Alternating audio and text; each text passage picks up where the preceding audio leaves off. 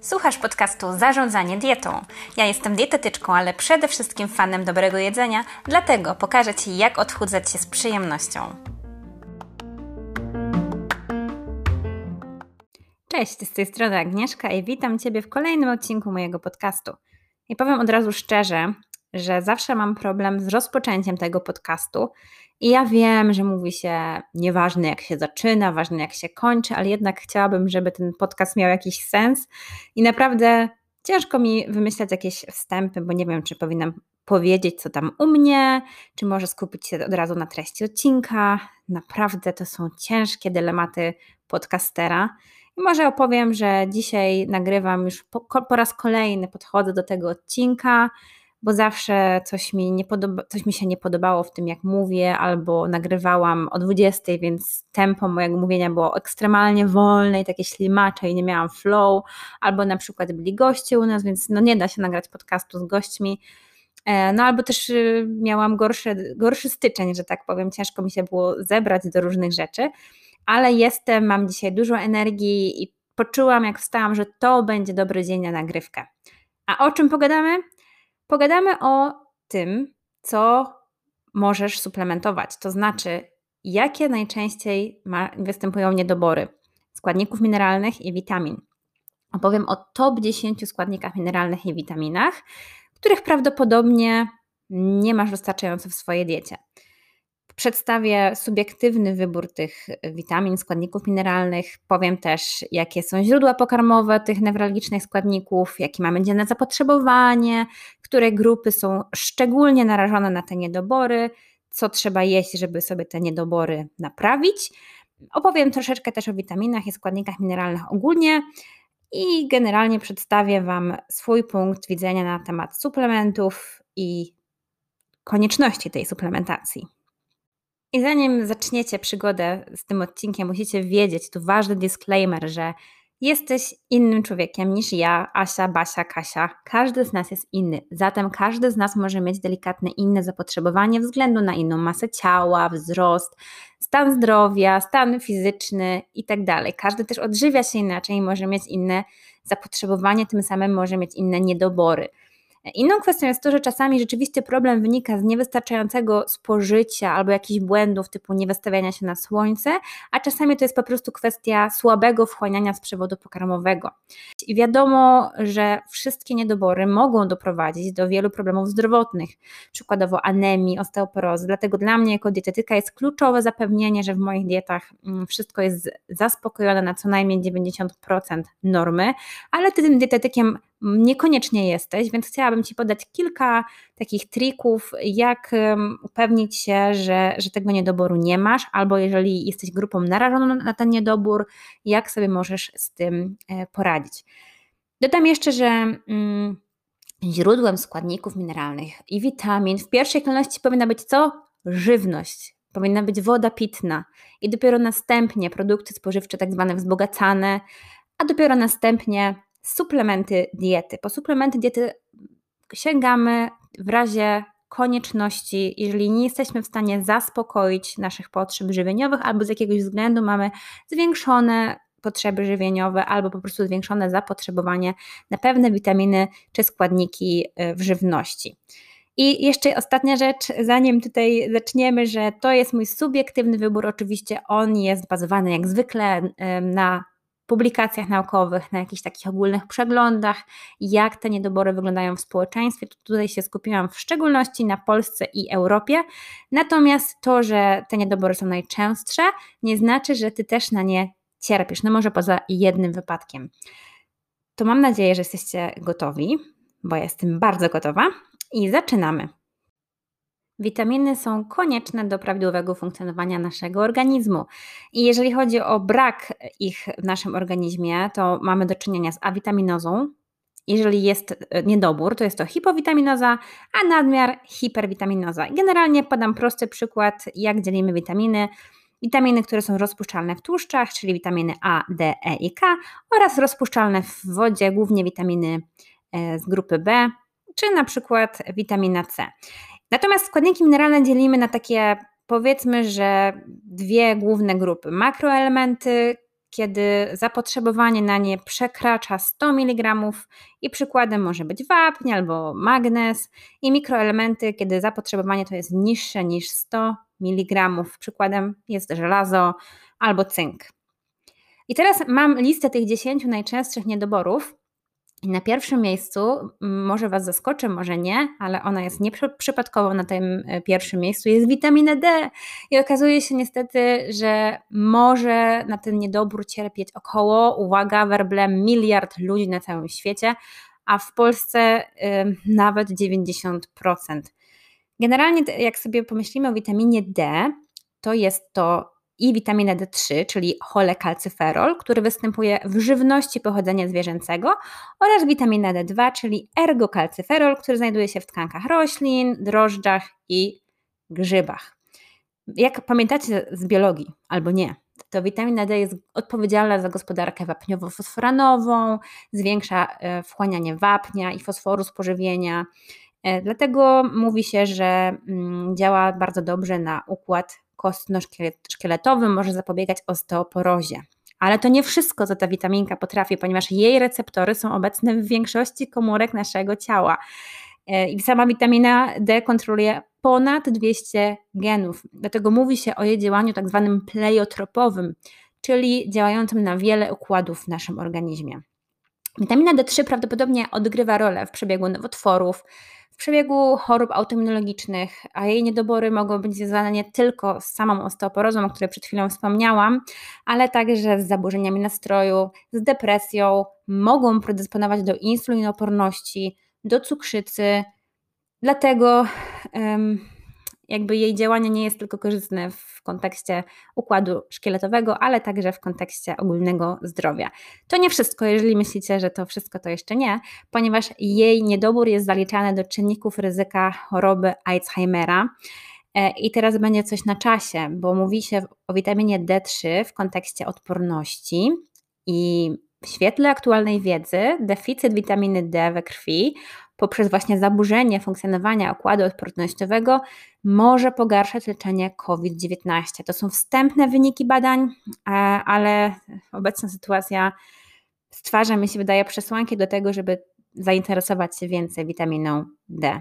Ogólnie, jak wiecie albo nie wiecie, to suplementacja witaminy D3 może zmniejszać ryzyko infekcji.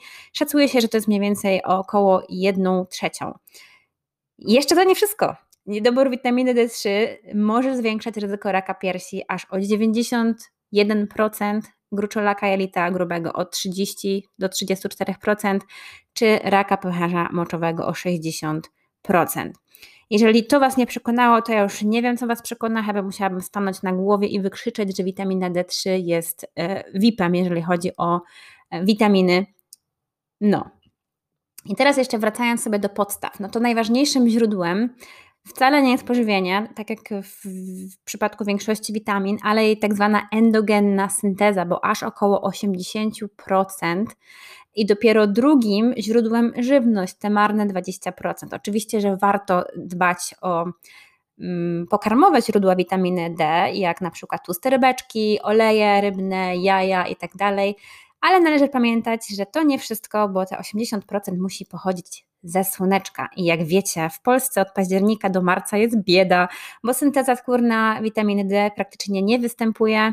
E, a co więcej, nawet jeżeli już jest lato, to i tak się smarujemy, oczywiście jest to uzasadnione, kremami z filtrem. E, co ciekawe, w ogóle ciemna karnacja, otyłość, wiek i właśnie te, te kremy z filtrem zmniejszają syntezę skórną tej biednej witaminki, która tak bardzo jest potrzebna naszemu organizmowi. A na przykład y, takie stany choroby jak mm, choroba leśniowskiego krona, no, tam gdzie występuje generalnie zmniejszone wchłanianie tłuszczu, mm, też osłabiają syntezę, bo no, wtedy istnieje też ryzyko hipowitaminozy witaminy, witaminą, witaminy D. I komu potrzebna jest suplementacja? Do tego za chwilę dojdziemy, ale przede wszystkim zachęcam wszystkie osoby w grupie ryzyka, czyli osoby z chorobami autoimmunologicznymi, mm, cukrzycą, insulinoopornością, depresją i wszystkimi tymi stanami, które wymieniłam przed chwilą, do zbadania sobie poziomu witaminy D. Macie do tego prawo. Markerem jej zawartości w organizmie jest 25 hydroksycholekalcyferol. O Boże, jakie trudne słowo. E, I zanim rozpoczniecie taką suplementację, to warto sobie to zbadać pod kontrolą lekarza i ustalić, jaka dawka ewentualnie będzie dla Was odpowiednia. Generalnie ogólne zalecenia mówią o tym, że od maja do września u zdrowych osób, podkreślam, przebywających na słońcu z odkrytymi przedramionami i podudziami, co najmniej przez 15 minut w godzinach od 10 do 15, nie stosujących kremów z filtrem, suplementacja witaminą D nie jest konieczna, chociaż jest wciąż zalecana i bezpieczna. Jeżeli któryś z tych mm, przesłanek nie występuje, no to wtedy zalecana jest suplementacja taką witaminą w dawce 800 do 2000 jednostek na dobę. Z kolei u dorosłych z otyłością wymagana jest już większa suplementacja w dawce 1600 do 4000 jednostek na dobę, w zależności od stopnia otyłości. I analogicznie będzie tutaj działać występowanie jakiejś choroby autoimmunologicznej albo ciemnej karnacji, ale podkreślam, że jeżeli nie jesteście osobami zdrowymi, to warto się wybrać do lekarza, poprosić o takie badania i sprawdzić sobie, jak ta witamina D wygląda, jaki poziom wygląda. Ja sobie ostatnio robiłam z ciekawości, bo powiem Wam zupełnie szczerze, bez bicia, że z suplementacją witaminy D u mnie było kiepsko, bo zapominałam ją brać i okazało się, że mój poziom jest optymalny ku mojemu zdziwieniu, ale ja dosyć dużo spaceruję i zimą, latem, jesienią. E, ciągle codziennie jestem na dworze, także myślę, że to miało też wpływ na to. Natomiast no, teraz ze względu na, na to, że mam chorobę autoimmunologiczną, e, po rozmowie z lekarzem włączamy witaminę D w małej dawce, żeby wesprzeć się, bo to jednak ten poziom nie był wysoki, tylko po prostu mm, optymalny. Drugie na liście są kwasy tłuszczowe omega-3. Jeżeli słuchacie mnie, to nie powinna być to absolutnie żadna niespodzianka, bo ja jestem super fanką tych, tychże kwasów. I szybkie takie przypomnienie, bo już się powtarzałam 137 razy, ale wolę się powtarzać yy, i mieć pewność, że jak ktoś Was w nocy obudzi i się zapyta, co to są kwasy omega-3, to Wy to powiecie, niż będziecie cały czas się zastanawiać, co, gdzie, jak i dlaczego. No to pokrótce. Kwasy z rodziny omega-3, czyli kwasy mm, EPA, DHA i ALA. E, ALA to jest kwas mm, alfa-linolenowy i DHA dokozaheksanowy, EPA, eikozapentaneowy. To wszystko brzmi jak dziwny język z The Sims, ale tak się nazywają te kwasy. I wy zapamiętacie tylko kilka informacji. Pierwsza jest taka, że wyniki e, badania tak zwanego WOBASZ, polskiego badania pokazują, że spożycie ryb w populacji polskiej wciąż jest niedostateczne, nie tylko w populacji polskiej, generalnie Europa poza państwami takimi jak na przykład Portugalia i tak dalej leży i kwiczy, jeżeli chodzi o spożycie ryb. I jeżeli takie są fakty, to zaryzykuję stwierdzenie, że większość z nas może mieć niedobory tychże kwasów tłuszczowych, a one są niezbędne, ponieważ organizm sam sobie nie ogarnia ich produkcji. Dlatego musimy je dostarczyć. Dlaczego? Po co w ogóle nam te kwasy? Mm, takie szybkie przypomnienie z biologii, że kwasy omega-3 i omega-6 konkurują o te same enzymy, dlatego zwiększona podaż kwasów omega-3 będzie hamować przemianę kwasów omega-6, no bo się biją o te enzymiki i tym samym może zmniejszyć i powstrzymać powstawanie stanu zapalnego. Poza tym, jeżeli nie spożywamy odpowiedniej ilości kwasów omega-3, to możemy sobie zwiększyć ryzyko chorób układu krążenia, serduszka, chorób Alzheimera, chorób skórnych, chorób układu kosmosowego, depresji, w szczególności tej poporodowej, wystąpienia ADHD, chorób autoimmunologicznych i mogłabym tu wymieniać bez końca, ale jeżeli bym się miała do tego odcinka przygotowywać tak, że dosłownie na każdą witaminę szukać po 100 publikacji, to nagrałabym to w 2022, dlatego bazuję na tych publikacjach, które, e, których już używałam ostatnio w przypadku kwasów omega-3. I teraz jeszcze krótka charakterystyka tychże trzech kwasów, które dzisiaj chciałabym um, omówić. Pierwszy to będzie kwas, mm, w którym raczej większość z nas nie ma problemu, to znaczy kwas alfa-linolenowy, czyli ALA. Mm, I jest tak, że on może ulegać w organizmie konwersji do kwasów EPA i DHA, czyli za dotknięciem magicznej różdżki może się zmieniać w te kwasy, przemieniać, e, tym samym dostarczając sobie kwas ALA, moglibyśmy mieć EPA i DHA. I to by było takie fajne, ale niestety ta konwersja jest wysoce nieefektywna. Dlatego, jeżeli nie spożywasz ryb, Dobra, ja muszę, nie mogę tego pomieszać.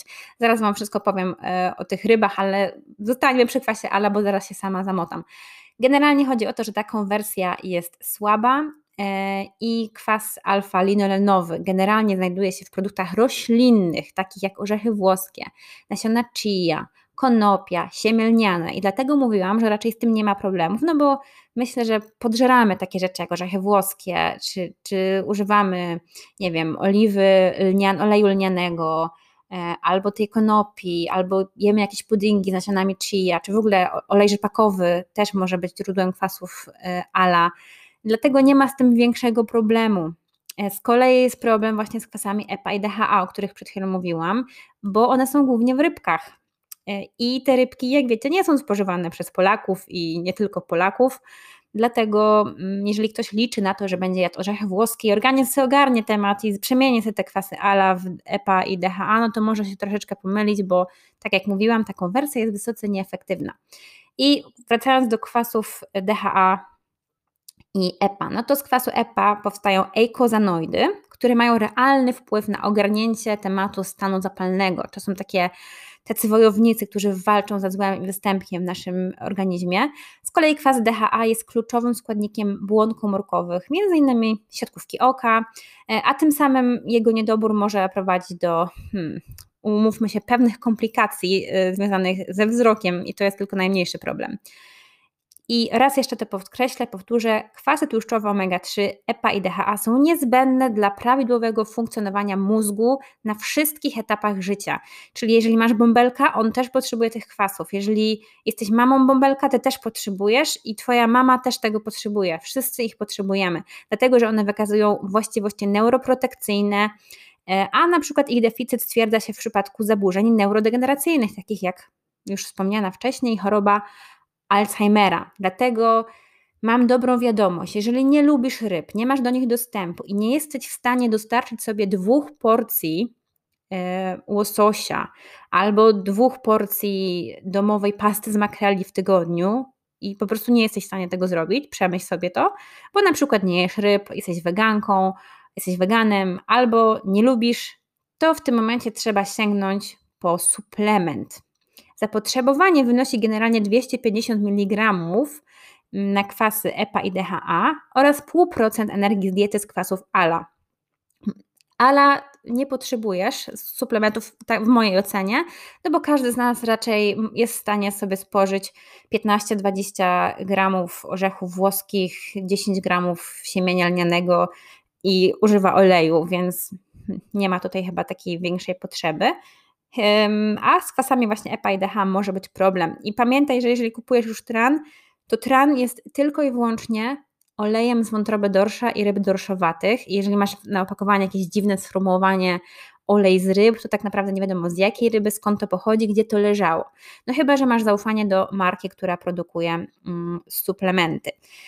Jeszcze taka jedna uwaga w ogóle na temat suplementów jest taka, że mm, ja nie jestem farmaceutką, ja bazuję tylko jak sobie wybieram suplement, patrzę na skład, właśnie jeżeli jest olej z wątroby dorsza i jeżeli jest rozpiska, ile to jest miligramów kwasów EPA i DHA, jestem zadowolona i jeżeli jest jeszcze to producent, któremu ufam, który ma trans, jest transparentny, skąd to pochodzi, skąd to się wzięło, to ja z tym nie mam problemu.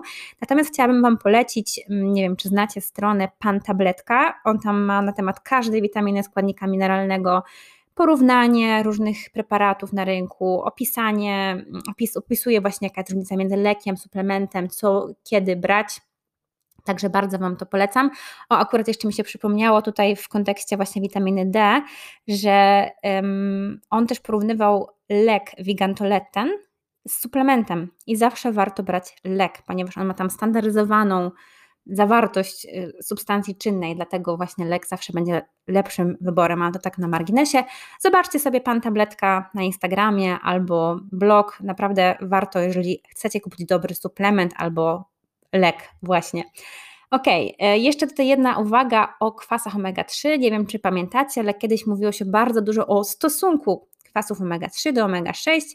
Natomiast teraz się troszeczkę od tego odchodzi w świetle najnowszych badań i te stosunki, hehe, nie są aż tak istotne, tylko właśnie jak to, żeby zadbać o podaż kwasów omega-3. Wtedy będzie wszystko git. No, właśnie tak będzie. Trzecie na mojej tajemnej liście są bardzo ważne, bardzo ważna grupa witamin foliany. Mowa tutaj głównie o kwasie foliowym. E, witamina w szczególności dla mnie ważna w kontekście ostatnich wydarzeń, skandalicznych wydarzeń mm, dotyczących zmiany prawa aborcyjnego, antyaborcyjnego, jakkolwiek to nie nazwać w Polsce. Wszyscy wiecie o co chodzi. To nie jest czas i miejsce na demonstrację moich poglądów politycznych i nie tylko na takie sprawy, ale na pewno mogę jako dietetyk zwrócić uwagę na konieczność suplementacji tej witaminy wśród kobiet w wieku rozrodczym, e, na wagę w ogóle tej, tejże witaminy i zwrócić uwagę, że ta witamina jest po prostu ekstremalnie istotna. I dlaczego za chwilę się dowiecie po reklamach reklam nie będzie, ale powiem Wam tylko, że dzienne średnie spożycie kwasu foliowego było za niskie u 60% ankietowanych w badaniu PONS. I wszystko fajnie, ale niedobory żywieniowe folianów u przyszłych matek mogą być przyczyną powstawania u noworodków takich wad wrodzonych jak bezmózgowie, przepukliny rdzenia kręgowego i innych wad. Poza tym niedobór folianów może prowadzić do niedokrwistości megaloblastycznej, do rozwoju miażdżycy. E, I właśnie w kontekście tego, mm, że niedobór witamin, witamin, witamin w sensie kwasu foliowego jest, może być związany z ryzykiem niedorozwoju cewy nerwowej czy wad cewy nerwowej u noworodków, to uważam, że to jest bardzo, bardzo ważne, żebyśmy wszystkie zadbały o prawidłową podaż folianów w naszej diecie. I jeżeli chodzi o to, gdzie możemy je znaleźć, no to największą zawartością folianów charakteryzują się warzywa, te w szczególności ciemnozielone, liściaste i chyba z tego co pamiętam to foliate po łacinie to jest liść, coś takiego kiedyś przeczytałam. Oprócz tych ciemnozielonych liściastych warzyw także kapustne, jak jarmuż, sałata, kapusta, brokuły, nasiona roślin strączkowych. Taki tip ode mnie. Super źródłem kwasu foliowego są płatki drożdżowe, bo zaledwie łyżka zaspokaja prawie połowę dziennego zapotrzebowania.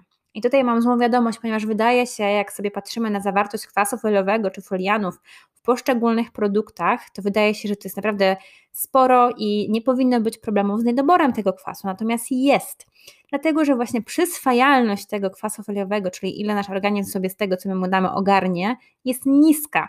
I co więcej, jest to witamina, która łatwo ulega rozkładowi pod wpływem temperatury, działania tlenu i promieni słonecznych. O co chodzi, że jak sobie na przykład weźmiecie jarmuż, taki w całości, i go spożyjecie od razu, to będziecie mieć więcej kwasu foliowego, niż jeżeli na przykład poszatkujecie ten jarmuż, zostawicie na chwilę na blacie, to ta witamina sobie pójdzie w długą. Częściowo oczywiście.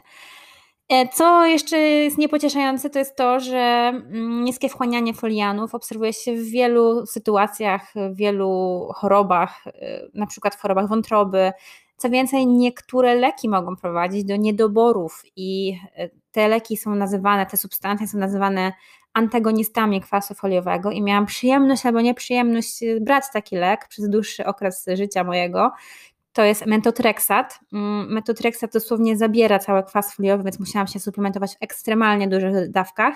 Nie wiem, e, jaki to miało wpływ na moją ewentualną płodność, czy, czy, czy możliwości tutaj.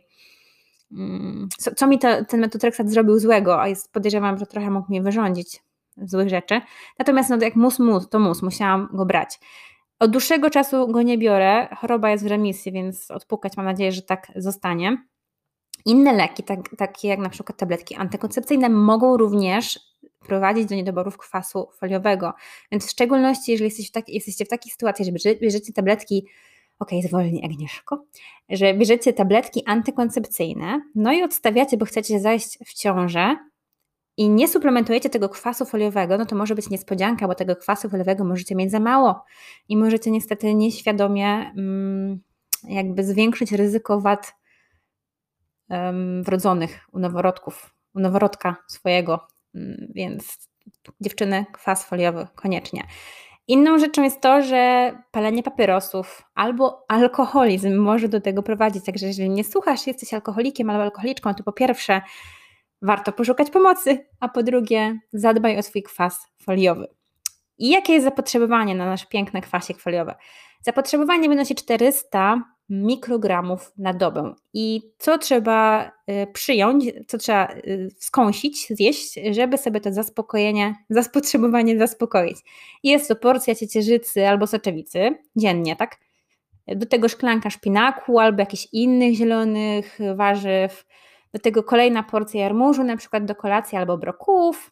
I koniec. Zapotrzebowanie mamy z głowy. To się wszystko tak wydaje proste, ale ile, kiedy ostatnio dałeś dwie szklanki zielonych warzyw liściastych w ciągu doby? No, kiedy? To jest challenge, pomyśl sobie kiedy. A jak już pomyślisz, to spróbuj codziennie zjeść coś zielonego, żeby zadbać o, ten, o tą podaż kwasu foliowego. Generalnie mam dobrą albo niedobrą wiadomość, że czy spożywasz te zielone warzywa i liściaste, czy nie, to i tak czy siak warto suplementację włączyć, dlatego że u wszystkich kobiet w wieku rozrodczym, nieważne czy mm, planują dziecko, czy nie, zaleca się suplementację preparatami kwasu foliowego w dawce 0,4 mg na dobę. E, dlatego, że jeżeli często jest tak, że ciąża się nie planuje, po prostu ona się zdarza, e, a w, w obecnej sytuacji w Polsce to warto sobie właśnie taką suplementację włączyć. Z kolei, jak jesteście w ciąży i w na przykład w pierwszym trymestrze, to ta dawka wzrasta i powinna się mieścić w zakresie 40 do 80 mg na dobę. Oczywiście to też jest indywidualnie, bo lekarz Wam powinien pomóc w ustaleniu takiej dawki, w szczególności jeżeli paliłyście papierosy albo macie historię z chorobą alkoholową, z chorobami wątroby e, i tak dalej, no to można tutaj pomyśleć, jak te niedobory wyrównać. Z kolei właśnie po 12 tygodniu ciąży e, oraz w okresie laktacji rekomenduje się kwas foliowy w dawce jeszcze powiedzmy zaczynającej się od 60 do 80 mg, mg kwasu na dobę u pacjentek oczywiście, jeszcze raz to powtórzę, bez dodatkowych czynników ryzyka. Ja to będę jeszcze kilka razy podkreślać, ale generalnie takie suplementy przyjmowane sobie, e, idzie sobie Jasio do apteki, kupuje sobie suplementy i sobie sam je zażywa, jest podejściem ryzykownym, bo generalnie nawet ja jako dietetyk staram się ustalać moją strategię suplementacyjną z lekarzem, ponieważ ja nie jestem lekarzem, mam wiedzę na temat wchłanialności suplementów, na temat potencjalnych interakcji, ale nie wiem wszystkiego i dobrze mieć taką osobę, która Ciebie poprowadzi, jakiegoś zaufanego lekarza, który będzie mógł Ci dobrać odpowiednią dawkę, mając na uwadze Twoje czynniki ryzyka, stan odżywienia i inne rzeczy, o których nawet nie pomyślisz. Także taka notatka jeszcze na marginesie. Następny na mojej liście jest jod. Aż 64% dorosłych i dzieci może cierpieć na niedobór jodu i generalnie Polska jest w niechlubnej czołówce, jeżeli chodzi o niedobór jodu wśród dzieci do lat 5. I, ale od początku może. Jod jest pierwiastkiem śladowym. Jego podstawową funkcją jest, jeżeli znowu pamiętacie z biologii, synteza hormonów tarczycy, tyroksyny i trójjodotyroniny, czyli T4 i T3.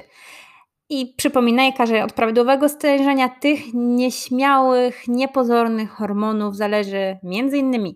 prawidłowe funkcjonowanie mózgu, mięśni, serca, nerek, metabolizm, wszystko. Jak macie kogoś w waszym otoczeniu z niedoczynnością tarczycy, z nadczynnością, to wiecie, jak te objawy bywają uciążliwe i takie właśnie niepozorne hormoniki wpływają praktycznie na funkcjonowanie całego organizmu.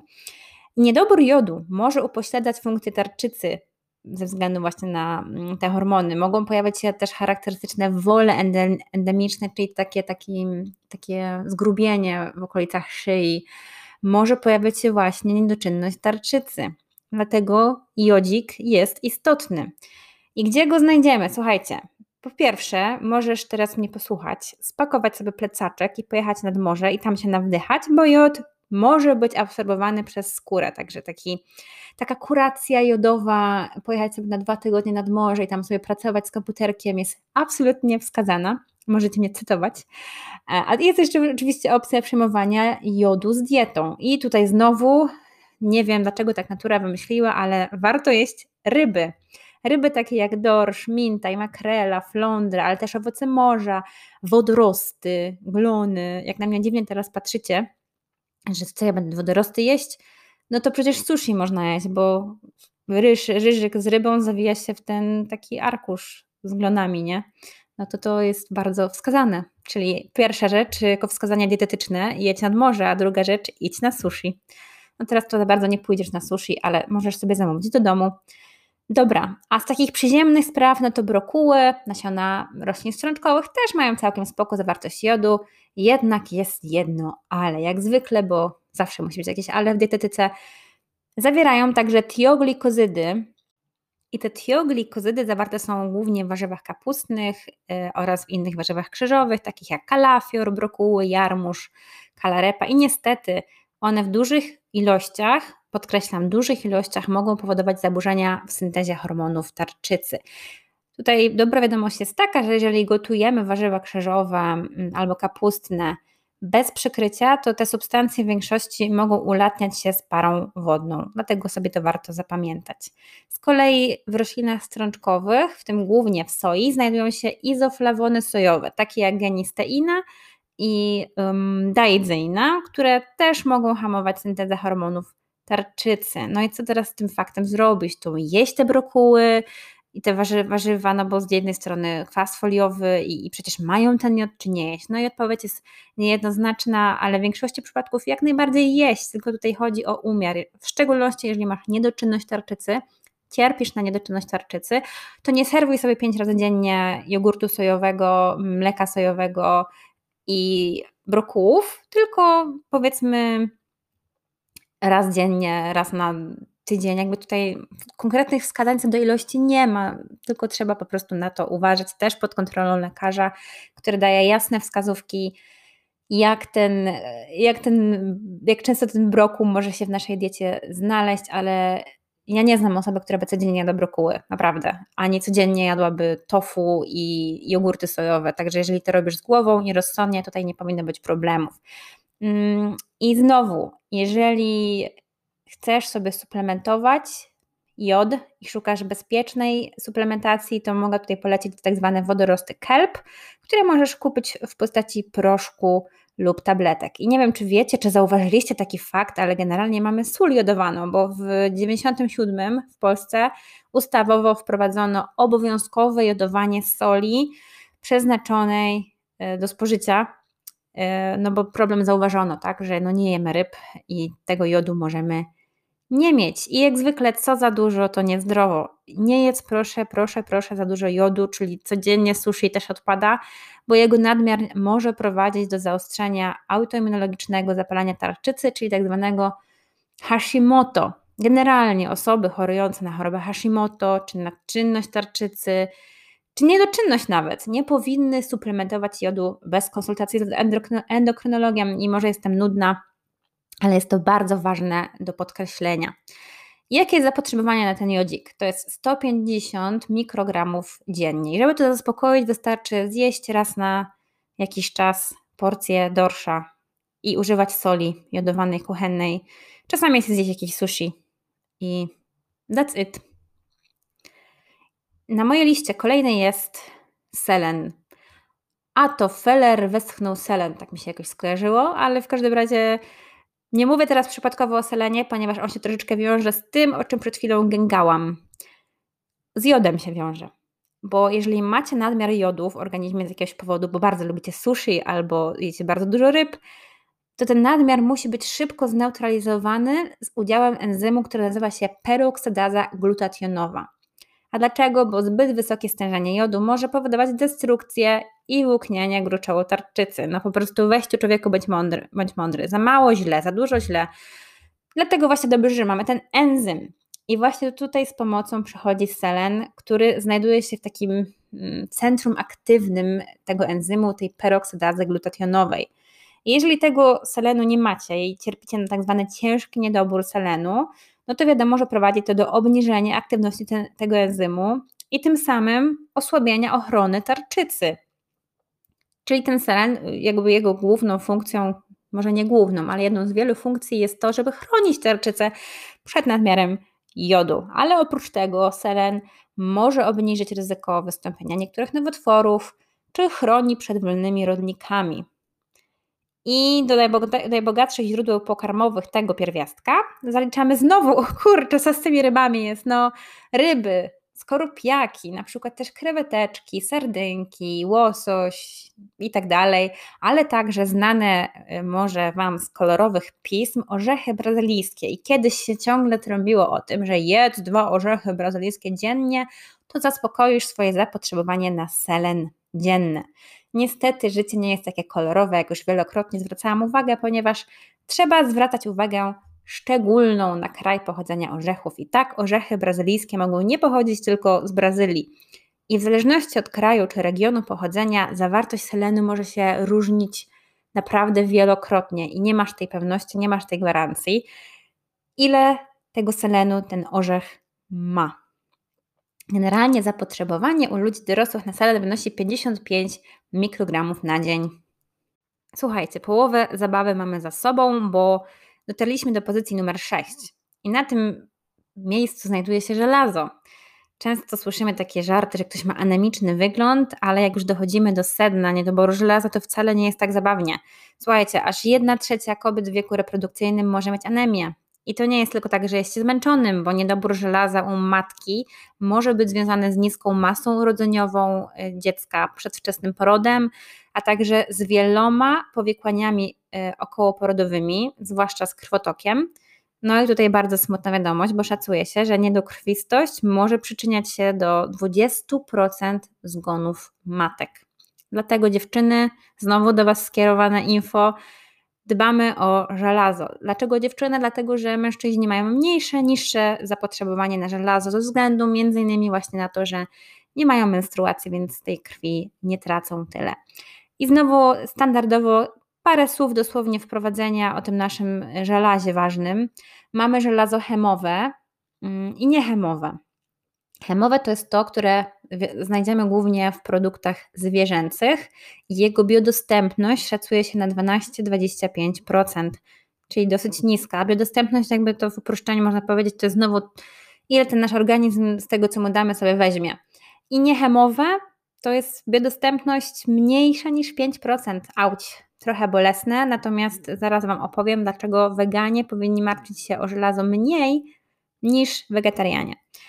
Generalnie żelazo występuje w organizmie w postaci hemoglobiny, czyli barwnik krwi. Jak sobie pójdziesz na badania krwi, to właśnie hemoglobina jest bardzo ważnym markerem.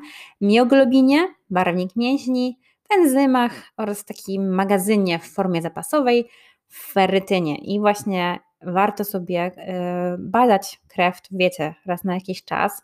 I zawsze jak sobie badacie krew, sprawdzić hemoglobinę, sprawdzić, mm, jak wygląda właśnie poziom żelaza, ferrytyny, w szczególności jeżeli macie tendencję do obfitych, krwawych miesiączek albo jest jakieś krwawienie utajone, na przykład z przewodu pokarmowego.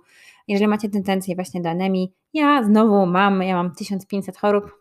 Oczywiście żartuję, ja miałam, cierpiałam na anemię przez długi czas, y, która była spowodowana nie niedoborem żelaza, ale była rodzajem anemii z tak zwanej Anemia z chorób przewlekłych, tak to się nazywa, gdzie poziom żelaza może być prawidłowy, mogę jeść go bardzo dużo, ale organizm nic z tym nie zrobi, bo mm, żelazo wtedy jest zaangażowane w proces zapalny. Niestety wiem, jak to jest mieć anemię, nie ma się na nic siły, ma się zadyszkę, kruche, łamliwe paznokcie, włosy, no po prostu masakra, blada skóra, cienie pod oczami, to jest, to jest okropne, a już po jakby mojej chorobie też mm, zawsze miałam niskie, dosyć niski poziom żelaza, on się mieścił w dolnej granicy normy, no ale nie dało się go podnieść jakby w żaden sposób. Do czasu, do czasu jak zaczęłam z polecenia mojej koleżanki brać spirulinę, to teraz poszłam właśnie na badania i pierwszy raz miałam badania doskonałe, nie tylko pod kątem właśnie tej witaminy D, o której Wam mówiłam, ale też hemoglobina, żelazo, um, dosłownie wszystko, cholesterol, glukoza, wszystko książkowe i naprawdę super. Ale dobra, do głównego tematu wracamy. Co w takim razie z tym żelazem hemowym i niehemowym? To znaczy, że jeżeli nie jesz mięsa, to jesteś na przerąbanej pozycji? No niekoniecznie, ponieważ weganie jedzą głównie produkty roślinne i nawet jeżeli one mają mniejszą biodostępność, to w większości przypadków Weganie nie mają problemów z żelazem, akurat z żelazem, bardziej z innymi um, składnikami czy witaminami, e, takimi właśnie jak, um, jak jod może być problem, jeżeli nie solą jeszcze dodatkowo, no nie jedzą ryb. Może być problem z witaminą, znaczy praktycznie jest w większości przypadków problem z B12, bo nie da się jej inaczej zastąpić, ale do tego jeszcze dojdziemy. A z żelazem no nie bardzo jest ten problem, bo te źródła pokarmowe, te tofu, y, nasiona roślin strączkowych, one ogarniają temat. To właśnie wegetarianie mają gorzej. I dlaczego? Dlatego, że wapń może zmniejszać wchłanianie żelaza i jeżeli jesteś wegetarianką albo wegetarianem, no to siłą rzeczy spożywasz nabiał i to całkiem dużo tego nabiału, no bo to mięso zastępujesz tym nabiałem i tym samym masz większe spożycie wapnia i gorzej się wchłania właśnie żelazo i dlatego wegetarianie mają większe problemy z podażą żelaza. No dobra. Y, co w takim razie ma żelazo konkretnie, Agnieszko? Żelazo mają podroby takie jak wątróbka, natka pietruszki, nasiona roślin strączkowych, już wcześniej wspomniane, mięso, no to wiadomo, jaja, pieczywo, kakao, orzechy. I co ciekawe, organizm jest na tyle sprytny, że wchłanianie wzrasta aż dwu, trzykrotnie w przypadku niedoboru żelaza. Czyli robi wszystko, żeby nam tylko pomóc. I żeby zmaksymalizować sobie przyswajanie żelaza w posiłku, to musicie pamiętać o kilku ważnych rzeczach. No bo jeszcze raz, biodostępność jest niska, więc trzeba jakoś organizmowi pomóc, żeby wziął z, tego, z tej tacy z, z żelazem więcej niż, e, niż, niż może. W takim razie musisz włączać do swoich um, posiłków produkty bogate w witaminę C, jak na przykład pietruszka, papryka, świeże owoce, warzywa, soki. Czyli jak na przykład jesz sałatkę z nie wiem, wołowiną, to będzie super. A jak jesteś e, wegetarianką, weganką, to na przykład sałatkę z nasionami roślin strączkowych i natką pietruszki. Super, super rzecz. Albo z tofu właśnie. To jest pierwsza główna zasada.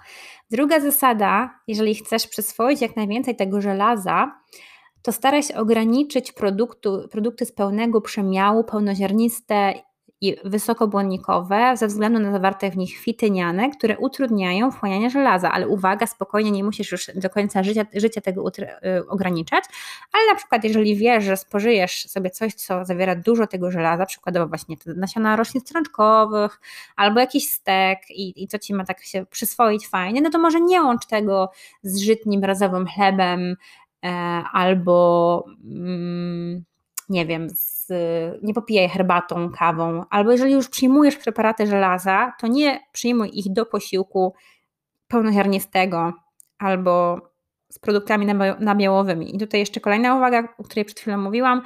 Produkty nabiałowe, w szczególności sery, nie powinny być łączone z produktami bogatymi w żelazo, tak jak mówiłam, bo to utrudni przyswojenie cennego żelaza. Czyli znowu wracamy do przykładu złych połączeń i na przykład stek z serem to będzie zły pomysł, albo nasiona roślin strączkowych właśnie z jakimś serem to też będzie kiepski pomysł. Karkówka z serem, pizza hawajska razowa to też nie będzie dobry pomysł pod kątem oczywiście przyswajania żelaza. Polifenole zawarte w kawie, w herbacie też mogą utrudniać przyswajanie żelaza. I jeszcze raz przypomnę, że preparaty żelaza nie powinny być popijane ani kawą, ani herbatą. Zapotrzebowanie wynosi 18 mg dla kobiet, a dla mężczyzn jest to 10 mg i jest łatwiej e, przekroczyć mężczyznom taką porcję, porcję. Zapotrzebowanie na żelazo, w szczególności jak są mięsożerni i wtrążalają te steki i wołowiny non-stop i to łatwo właśnie e, o nadmiar żelaza, co też nie jest w ogóle korzystne. E, I jak to zaspokoić? No to już jedna porcja wątróbki jest w stanie zaspokoić dzienne zapotrzebowanie na żelazo. Jeżeli używacie dużo ziół, e, dużo przypraw, jeżeli spożywacie 2-3 razy w tygodniu mięso i nasiona roślin strączkowych są obecne w Waszej diecie, to tutaj też nie powinny być problemów z niedoborem. Taka jeszcze uwaga, ciekawostka, jeżeli źle tolerujesz żelazo, to warto rozważyć dodatkową suplementację laktoferyną. Teraz porozmawiamy o wapniu I w Polsce spożycie wapnia jest wciąż za niskie i kształtuje się na poziomie 60% zalecanej normy. A szkoda, bo wapń to podstawowy materiał budulcowy kości, ząbków, bierze udział w przewodnictwie bodźców nerwowych, w kurczliwości mięśni, w aktywacji enzymów. Jest też niezbędny do prawidłowej pracy serca. Ma też znaczenie w obniżaniu ciśnienia krwi. Chyba było takie badanie kiedyś, które czytałam, że osoby, które spożywały mleko, miały niższe ciśnienie krwi, coś takiego, ale tutaj akurat Wam źródła nie podam, musiałabym to znaleźć. Coś takiego mi się kojarzy. Tak jak wiecie, bogatym źródłem wapnia jest i pozostaje mleko jego przetwory. Możemy się kłócić, że jesteśmy jedynym ssakiem, który spożywa mleko innych ssaków i tak dalej, ale taki jest fakt. Mm, mleko wcale nie powoduje zaśluzowienia organizmu i tak dalej. E, to jest temat, który już wielokrotnie Wam wyjaśniałam. Pozostają kwestie etyczne ze spożywaniem mleka i jego przetworów także. Natomiast mleko nie jest jedynym źródłem wapnia. Są nim także konserwy rybne, e, spożywane najczęściej, najlepiej wraz z ośćmi. E, jest też dobrym źródłem, źródłem jarmuż, pietruszka, szpinak, fasola, nasiona strączkowe też zawierają wapń, no ale część z nich jest, y, jakby z, część z nich jest gorzej przyswajalne z powodu wysokiej zawartości kwasu szczawiowego czy fitynowego, ale tutaj weganie też nie powinni mieć, ani wegetarianie większych problemów z niedoborami, właśnie w szczególności osoby, które jedzą tak, zwan, tak zwaną dietę zwyczajową i nie zwracają uwagi na różnorodność swojej diety. I zapotrzebowanie na wapń kształtuje się na poziomie 1000 mg dziennie. Jak to zaspokoić? Dwie łyżki parmezanu, dwie łyżki sezamu, jeden plasterek żółtego sera, łyżka nasion chia, pasek czekolady mlecznej i szklanka kefiru równa się Twoje dzienne zapotrzebowanie. Przydałam, podałam taki przykład dosłownie na szybko wyliczony, ale nie wydaje się to dużo. No bo parmezan, parmezan sobie dosypiesz do makaronu, sezam do jakiejś owsianki razem z nasionami chia, pasek czekolady na jakąś przekąskę i do tego tylko jakiś serek żółty na kanapkę i szklanka kafiru na przykład do koktajlu. Także wydaje się to jak najbardziej realne. Oczywiście alternatywne źródła wapnia, w szczególności polecane weganom, no to jest karop, świetne źródło wapnia, nasiona chia, wspomniany sezam, mak, pokrzywa, to jest w ogóle rewelacja, jeżeli chodzi o wapń, koperek, znowu te zioła, e, komosa, nasiona selera to jest też sztos, także można i czasami nawet weganom wychodzi to lepiej niż osobom na diecie tradycyjnej, które tak jak mówiłam kompletnie nie zwracają uwagi na takie alternatywne źródła wapnia i tego mleka też za bardzo nie piją, bo gdzieś tam ktoś powiedział, że, że mleko szkodzi, więc, więc tak to e, właśnie wygląda. Ogólnie w kontekście ziół jeszcze jedna uwaga, jakieś też to mówiłam w jednym odcinku podcastu, że przyprawy są ekstremalnie istotne, e, bo mają też antyoksydanty. Właśnie część nam dostarcza żelaza, część nam dostarcza wapnia i tak dalej, więc przyprawiajcie tak dużo jak się da, w szczególności, w szczególności te świeże takie zioła, koperek, pietruszka, e, kolendra, naprawdę rewelacja sobie taką dietę wzbogacić tak naprawdę niskim kosztem. Ok, na, na naszej liście mamy jeszcze kilka pozycji, chyba trzy, z tego co moja pamięć mnie nie myli. Yy, I kolejny jest cynk. Nie wiem, czy się spodziewaliście tego, czy nie, ale niedostateczne spożycie cynku obserwowano u około 80% mężczyzn i 40% kobiet w badaniu PONS. A szkoda znowu, ponieważ cynk jest ekstremalnie istotny. Między innymi wchodzi w skład około 200 enzymów. Bierze udział w mineralizacji kości, y, wpływa na proces gojenia się ran, na pracę układu odpornościowego. Też mówiłam chyba w odcinku o odporności, że cynk jest istotny. Wpływa na prawidłowe wydzielanie insuliny przez trzustkę, na stężenie witaminy A i cholesterolu. Ma też swój udział, w, tak jak wapń, w regulacji ciśnienia krwi i rytmu serca. I powinniśmy ten cynk spożywać. Znowu, wchłanianie z przewodu pokarmowego kształtuje się na dosyć niskim poziomie od 10 do 40% e, i zachodzi głównie w jelicie cienkim. Organizm jest znowu na tyle sprytny, że reguluje hormonalnie wchłanianie cynku i zależy też od naszego zapotrzebowania, które zwiększa się w stanach niedoboru. Takie rzeczy jak rzeczy, takie składniki jak białka zwierzęce, kwas cytrynowy ułatwiają absorpcję cynku, ale żelazo i miedź utrudniają absorpcję, cynku.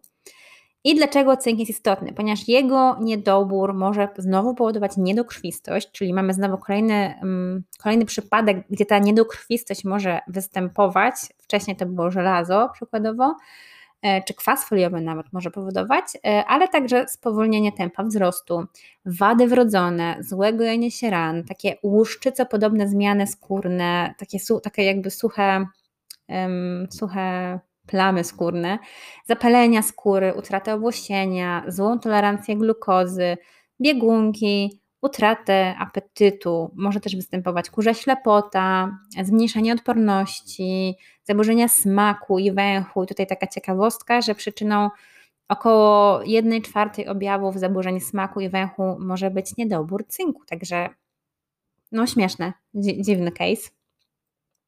I zaleca się 15-20 mg cynku dziennie. I kolejna uwaga, że znowu mamy sytuację, że zażywanie niektórych leków albo pigułek antykoncepcyjnych, picie alkoholu, palenie papierosów powoduje obniżenie poziomu cynku w organizmie. Także odstaw ten kieliszek i um, zajmij się mięsem, podrobami, ciemnym pieczywem, kaszą gryczaną, ostrygami, zarodkami, pestkami dyni, fasolą i kakao, gdyż te produkty są źródłem cynku. E, I wcześniej mówiłam, że zalecane spożycie to jest 15-20, teraz Wam podam konkretnie, ile to wynosi. Dla kobiet jest to 8 mg dziennie, dla mężczyzn 11 mg. I co trzeba e, sobie przekąsić, żeby dzienne zapotrzebowanie pokryć? Trzy ostrygi i masz temat z głowy, ale nie wiem jak ty, ja nie cierpię ostryg. W sensie nawet nigdy nie jadłam, ale już wiem, że ich nie lubię, bo ta konsystencja jest ekstremalnie dziwna. No dobra, no to może coś innego. Już trzy zarodki, e, trzy łyżki, trzy zarodki, nie wiem czego zarodki. Za dużo tego w mózgu dziwnych rzeczy mam. Trzy łyżki zarodków pszennych i dwie łyżki nasion konopi. Do tego porcja fasoli i masz zapotrzebowanie na cynk zaspokojone. Wspominałam wcześniej o niedokrwistości. Jest jeszcze jedna witamina, może się domyślacie, jaka, jaka ona jest, która może nam generować niedokrwistość. Jest to B12, która jest potrzebna ekstremalnie do pracy układu nerwowego, do procesu właśnie krwiotworzenia. I jej niedobór prowadzi do specyficznego rodzaju anemii, anemii megaloblastycznej, bo witamina B12 jest mega istotna. Jeżeli masz niskie stężenie witaminy B12, to masz także podwyższony poziom homocysteiny i kwasu metylomalonowego we krwi i moczu. I myślisz sobie, co z tego? Niestety ma to swoje zdrowotne konsekwencje. Na przykład hech, uszkodzenie układu nerwowego, które manifestuje się parestezjami, wiecie, takie drżenie, e, zamęczeniem, zaburzeniami koncentracji, pamięci, a skrajny niedobór może się skończyć tragicznie. E, witamina B12 występuje głównie w produktach pochodzenia zwierzęcego, takich jak produkty mięsne, ryby, jajka, mleko, jego przetwory. Oprócz tego witamina B12 sama w sobie jest trudno przyswajalna, bo do jej dostarczenia mm, do organizmu, do komórek, organizm wykorzystuje aż trzy różne białka. I z tego względu jej niedoborami są zagrożone nie tylko osoby pozostające na diecie wegańskiej czy wegetariańskiej, ale także osoby, które cierpią na schorzenia takie jak wrzody żołądka, zgaga, osoby, które długotrwale przyjmują inhibitory pompy proteinowej, czyli bardzo dużo osób, w razie na przykład wrzodów żołądka. Leki takie jak metformina również mogą zaburzać wchłanianie witaminy B12 mogą wpływać na niedobór witaminy B12. Niestety o tym się nie mówi, ale osoby starsze bardzo często cierpią na niedobór witaminy B12 i to są te grupy osób, które powinny przyjmować witaminę B12 w postaci suplementów. W szczególności też weganie, wegetarianie, tak jak mówiłam, osoby starsze powinny się tym tematem zainteresować, bo po prostu Osoby pozostające na konwencjonalnej diecie, bez, y, nie przyjmujące leków, które wymieniłam, i spożywające mięso czy produkty zwierzęce raczej nie będą mieć problemu z niedobrami witaminy B12, a jest szereg osób pozostających na dietach alternatywnych, właśnie takich jak diety wegetariańskie albo wegańskie. Jest szereg osób starszych, które po prostu potrzebują suplementacji witaminy B12. Zapotrzebowanie na nią wynosi 2,4 mm, mikrogramów na dobę. I jeszcze jest, zostaje kwestia bakterii, które są i produkują w naszych jelitach B12. I oczywiście one są, natomiast e, robią to w licie grubym, a witamina jest wchłaniania w jelicie cienkim, dlatego nie można polegać na, na tym źródle jakby produkcji witaminy B12. I tym sposobem dotarliśmy do ostatniej witaminy albo składnika mineralnego. Jest to składnik mineralny, jednak spojrzałam, jest to magnez. Magnez aż 90% mężczyzn i prawie 70% kobiet miało niskie spożycie magnezu, czyli spożycie magnezu, które nie zaspokajało normy. W badaniu PONS z udziałem prawie 4000 Polaków. Ja mówię, ile to było osób, bo wcześniej wspominałam o tym badaniu przy kilku chyba składnikach albo witaminach. Natomiast no, jest to duże badanie, ono nie jest idealne, dlatego że jest, polega na ankietach. Zawsze jak ktoś sobie sam ocenia sposób żywienia, to nie jest zbyt szczery, mówię to z doświadczenia. Natomiast taki jest wynik i znalazłabym bez problemu inne badania, które oceniają, że Europejczycy cierpią na niedobór magnezu. Magnez jest ważny, bo aktywuje ponad 300 enzymów, bierze udział w kurczliwości mięśni, w termoregulacji, w przewodnictwie nerwowym, a przyswajanie magnezu z diety wynosi około 50%. I znowu, tak jak w przypadku wielu innych składników, jego wchłanianie utrudnia obecność kwasu fitynowego czy fosforanów.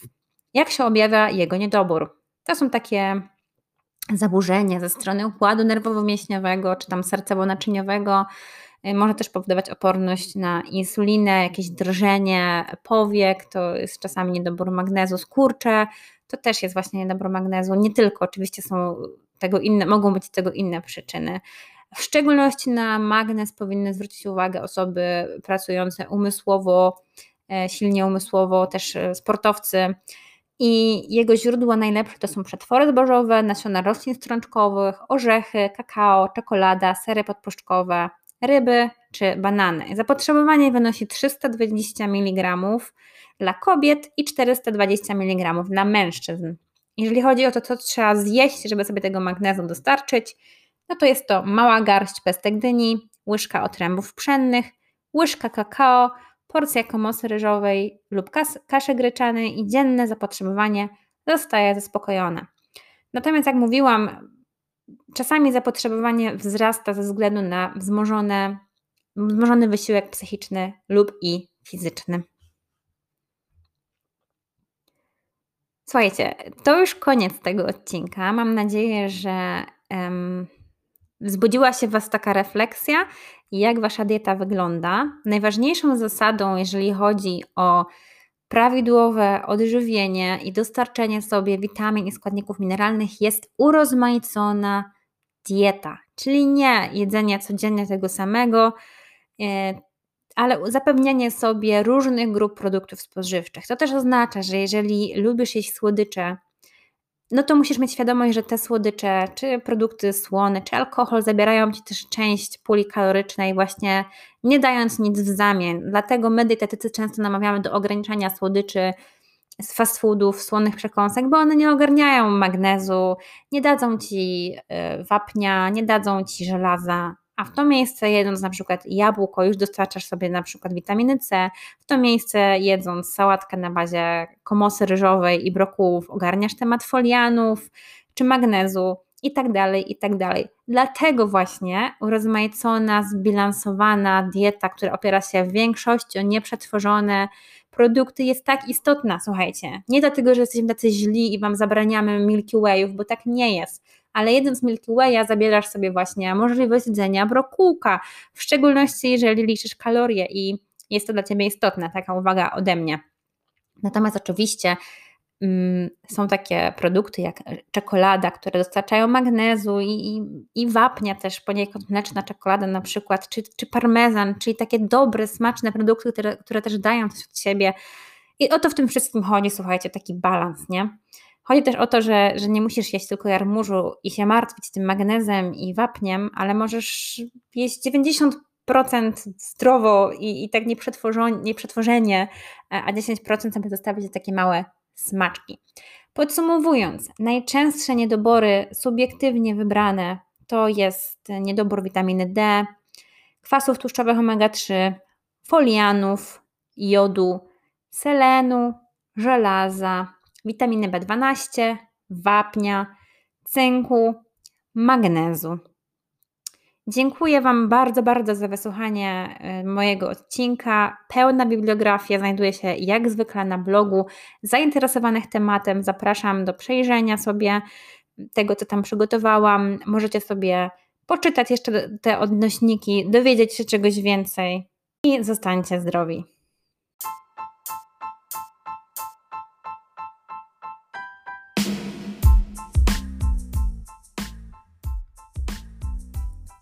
Cieszę się, że mogliśmy spędzić razem ten czas i mam nadzieję, że dzięki temu odcinkowi zwrócisz uwagę na potencjalne niedobory, no i że przekonałam Cię do ryb.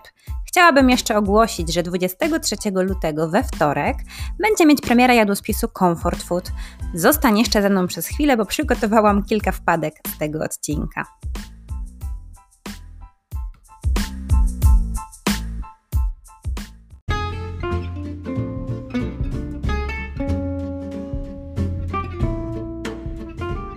Te tioglikozy...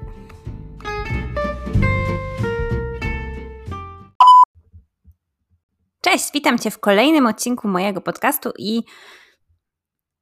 No i co ja mam powiedzieć? I żeby zaspokoić to zapotrzebowanie, wystarczy dwa razy w tygodniu zjeść porcję łosia albo makreli. Łososia. Znajdują się izoflawony sojowe, genisteina i... I... I jak to się nazywa? Kilka słów o samym żelazie. Mamy żelazo chemowe i. E,